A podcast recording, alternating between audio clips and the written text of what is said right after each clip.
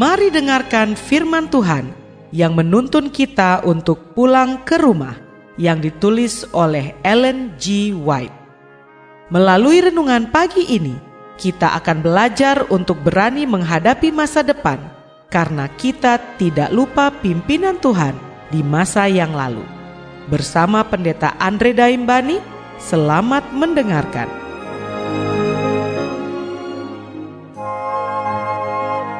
Shalom, selamat pagi saudaraku. Renungan pagi kita hari ini 5 Juni berjudul Masa Percobaan. Ayat intinya diambil dari Kejadian 2 ayat 17. Demikian firman Tuhan. Tetapi pohon pengetahuan tentang yang baik dan yang jahat itu janganlah kau makan buahnya sebab pada hari engkau memakannya pastilah engkau mati. Mari kita dengarkan penjelasannya. Hukum Allah adalah sama sucinya seperti Allah sendiri.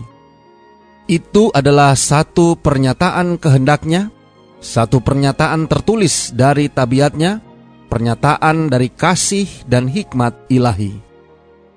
Keselarasan alam semesta ini bergantung atas penurutan yang sempurna dari segala makhluk, dari segala sesuatu, baik benda hidup atau benda mati, terhadap hukum halik itu.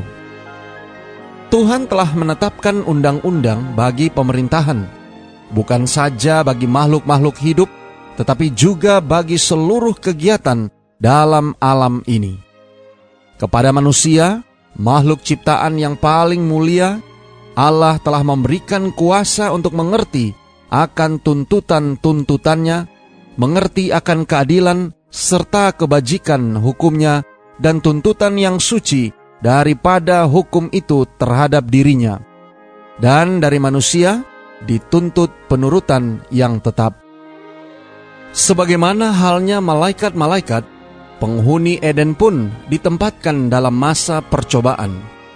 Kebahagiaan mereka hanya dapat dipertahankan dengan syarat kesetiaan terhadap undang-undang halik itu mereka dapat menurut dan hidup atau melanggar dan binasa.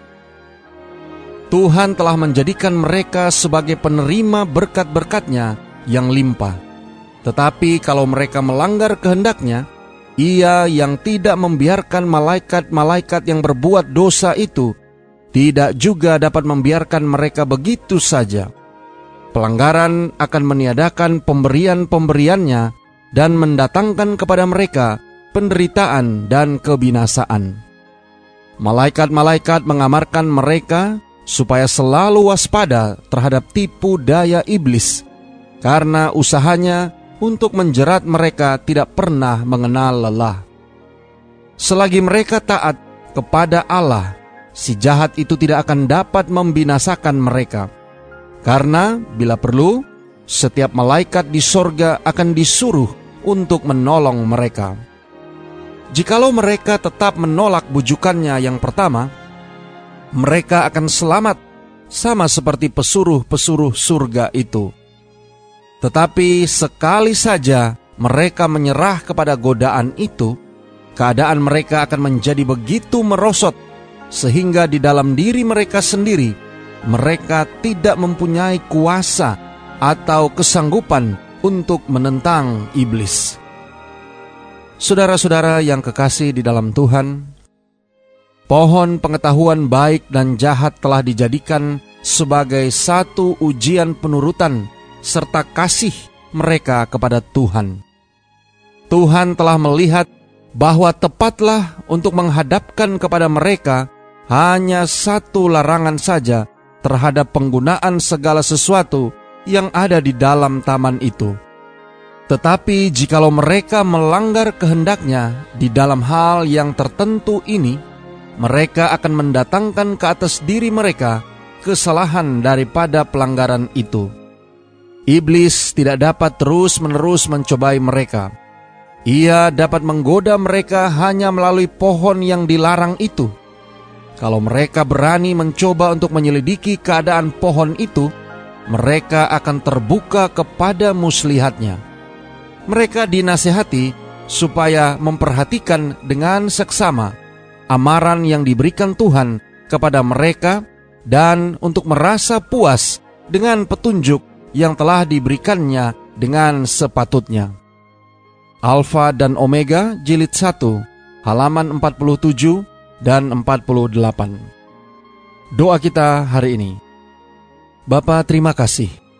Melalui renungan pagi ini, kami boleh belajar tentang satu hal yang penting dalam kehidupan kami, yaitu penurutan. Terima kasih melalui renungan pagi ini, kami boleh belajar dari pengalaman nenek moyang kami, Adam dan Hawa. Tolong kami hari ini Bapa, biarlah dengan pertolongan kuasa roh kudusmu, kami boleh dapat disanggupkan untuk belajar dari pengalaman Adam dalam hubungannya dengan penurutan kepada perintah Tuhan, agar dalam kehidupan kami, kami senantiasa menurut akan segala sesuatu yang Engkau telah perintahkan kepada kami. Terima kasih Bapa. Inilah doa dan permohonan kami kepadamu. Di dalam nama Yesus kami berdoa. Amin.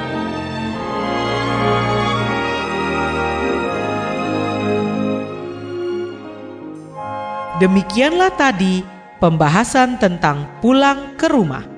Semoga firman Tuhan hari ini dapat menjadi berkat bagi Anda.